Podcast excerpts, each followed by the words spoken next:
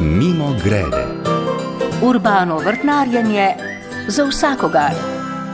Solata ni samo solata in fižol ni nikoli samo fižol. Posamezne vrste zelenjadnic obstajajo v skoraj nešteto sortah. Potem je tudi lema, poseči po semenih iz ekološke pridelave, doma pridelanih ali hibridnih semenih, domačih ali iz tujine, v rinfuziji ali na trakovih.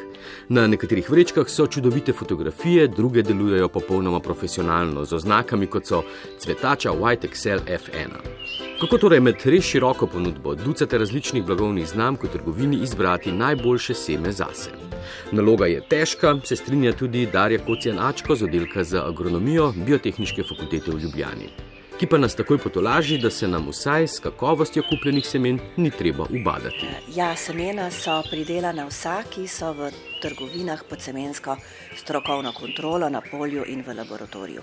To pomeni, da je to seme certificirano, certifikat pa daje potrošniku zagotovilo, da je to seme tudi kakovostno. To seme naj bi bilo bolj kakovostno, kot če bi ga nekdo pridelal sam, kajti v semenarskih podjetjih imajo naprave, da izločijo plevele, da dejansko seme pregledajo tudi na bolezni, da ni zraven primesi, skratka, seme naj bi bilo v redu. Izbiranje semen samo po lepih fotografijah je napaka, ki jo naredijo predvsem vrtičkarski začetniki. Prvo vodilo pri izbiri naj bo: kupujte lokalno. A ni dovolj, da posežete le po vrečkah semeni slovenskega proizvajalca, ampak bodite pozorni predvsem na poreklo semen. Tisto, kar je bilo pridelano pri nas, je prav gotovo prilagojeno tudi našim razmeram bolj kot pa seme, ki je bilo pridelano v drugačnih rasnih razmerah. Predvsem so tukaj avtohtone, domače sorte, saj nekatere imajo že zelo dolg pedigre v našem prostoru tega razmnoževanja in prav gotovo so, imajo te prednost pri izbiri, zlasti so nekateri potrošniki tudi navajeni njihovih okusov. E, medtem ko tuja semena pa seveda so mogoče bolj e, ponujajo pestrejši izbor, kajti pri nas v Sloveniji nimamo vsega tega, kar ponuja semenarska industrija, predvsem tudi morda hibridnih semen, ki jih je če dalje več. Hibridi pomenijo ponavadi tisto, da dobijo Eh, potrošniki oziroma uporabniki večje pridelke. Je pa res, da ta naša ponudba zajema ta manjši del semen, ki so res domača, ostalo smo pa. Hočeš, nočeš, prisiljeni kupovati druge. In seveda tudi domači ponudniki kupujejo na drugih trgih in potem spakirajo in prodajajo pri nas. A samo poreklo še ne pomeni tudi uspeha na vrtu. Navodila niso namenjena sama sebi, le ob upoštevanju le teh bo tisto, kar je zraslo na vrtu, vsaj približno podobno pridelkom na fotografiji vrečice. Pozorni moramo biti, da posejemo drobna semena dovolj plitvo, oziroma tudi kakšna imamo tla. Če so tla težja, potem je to plitveje, če so tla lahka, je potem lahko to globlje. In to mora potrošnik vedeti, eh, seveda vse te razdalje, kdaj omogočajo potrošniki potrošnikom tudi eh, setve, eh, kjer so že določene razdalje, dejansko kupijo trakove sa semeni. Seveda pa morajo nekako vedeti tudi, kolikšen je razmik med vrsticami. Te informacije se dobijo ne samo pod, kot reklamno gradivo ob semenih oziroma na semenskih vrečicah, e, predvsem je veliko knjig zdaj z tega področja in več kot človek prebere, več ve, kdaj se informacije tudi ne ujemajo povsem detaljno za vsak centimeter.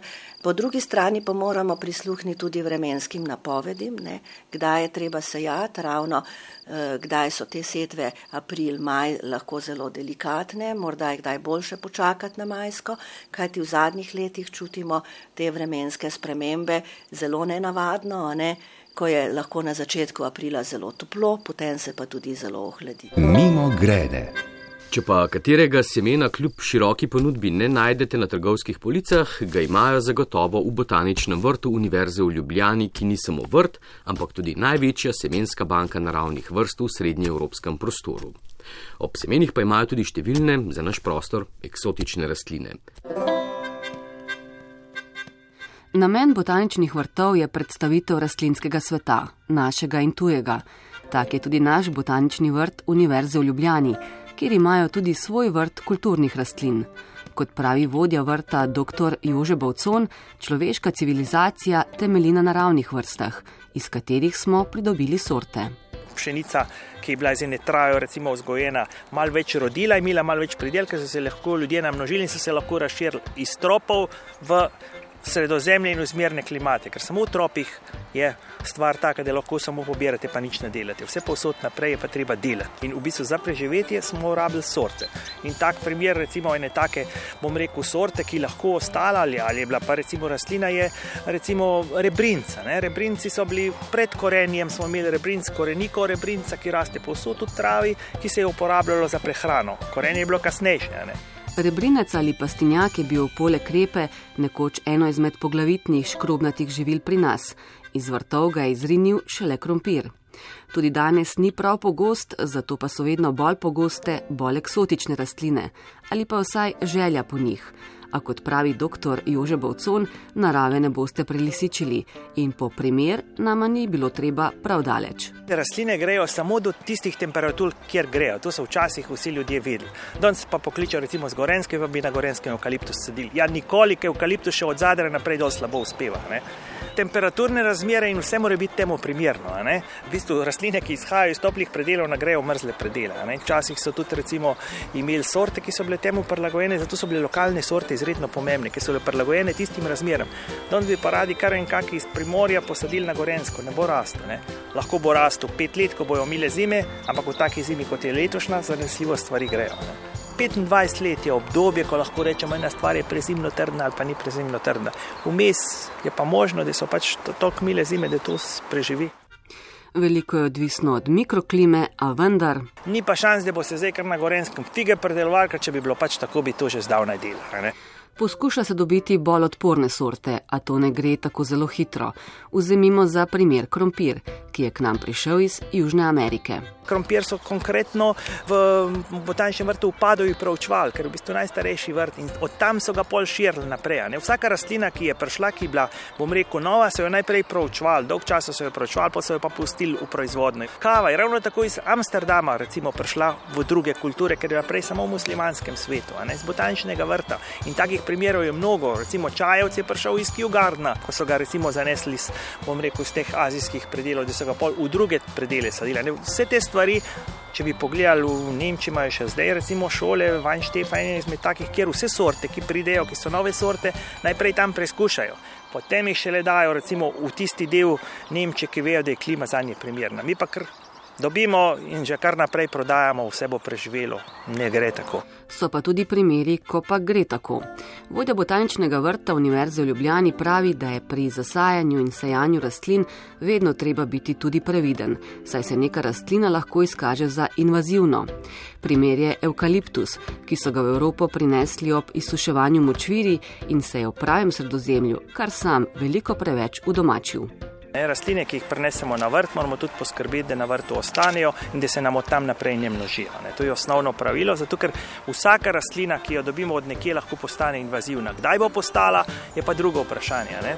Stoletje je ena taka doba, ko se zanesljivo izkaže tiste rastline invazivne. Tako da tega, kaj sodi v naravo, v naravo sodi tisto, kar je v naravi, na vrt sodi tisto, kar je kulturna rastlina, kar je so sorte, ampak te sorte potem treba tudi paziti, da v bistvu naravo ne zaidejo. Nekatere v naravi ne morejo preživeti same, druge pa lahko. Mimo grede. Rašit je, da nimo že en tak varen eksot. Pretežno podzemna stročnica, s katero lahko mirno eksperimentirate tudi v domačem vrtu, saj ni invazivna tujerodna rastlina. Darja Kucijanačko. Eh, rašit je eh, stročnica, ki je zelo posebna. Cveti seveda kot vse rastline, vse stročnice nad zemljo, potem pa se Eh, tisto rumeno cvetoč cvet oplodi in se počasi pomika plodnica proti tlem, kjer se zarije v tla. In poteka zorenje v tleh, podobno bi lahko rekli, se naredi strok, vendar ta strok izkopljajo podobno kot krompir iz tal. Morajo biti pa tla temu primerno lahka, torej gre za peščena tla in pa topla, da rašit uspeva. Je pa še nekaj treba opozoriti, treba kupiti seme arašida. Če boste posajali tistega iz vrečice, potem verjetno nič ne bo, kajti vedno jih pražijo eh, in v tem pogledu eh, je treba si oskrbeti seme eh, iz vrečke ali pa celo sadiko. To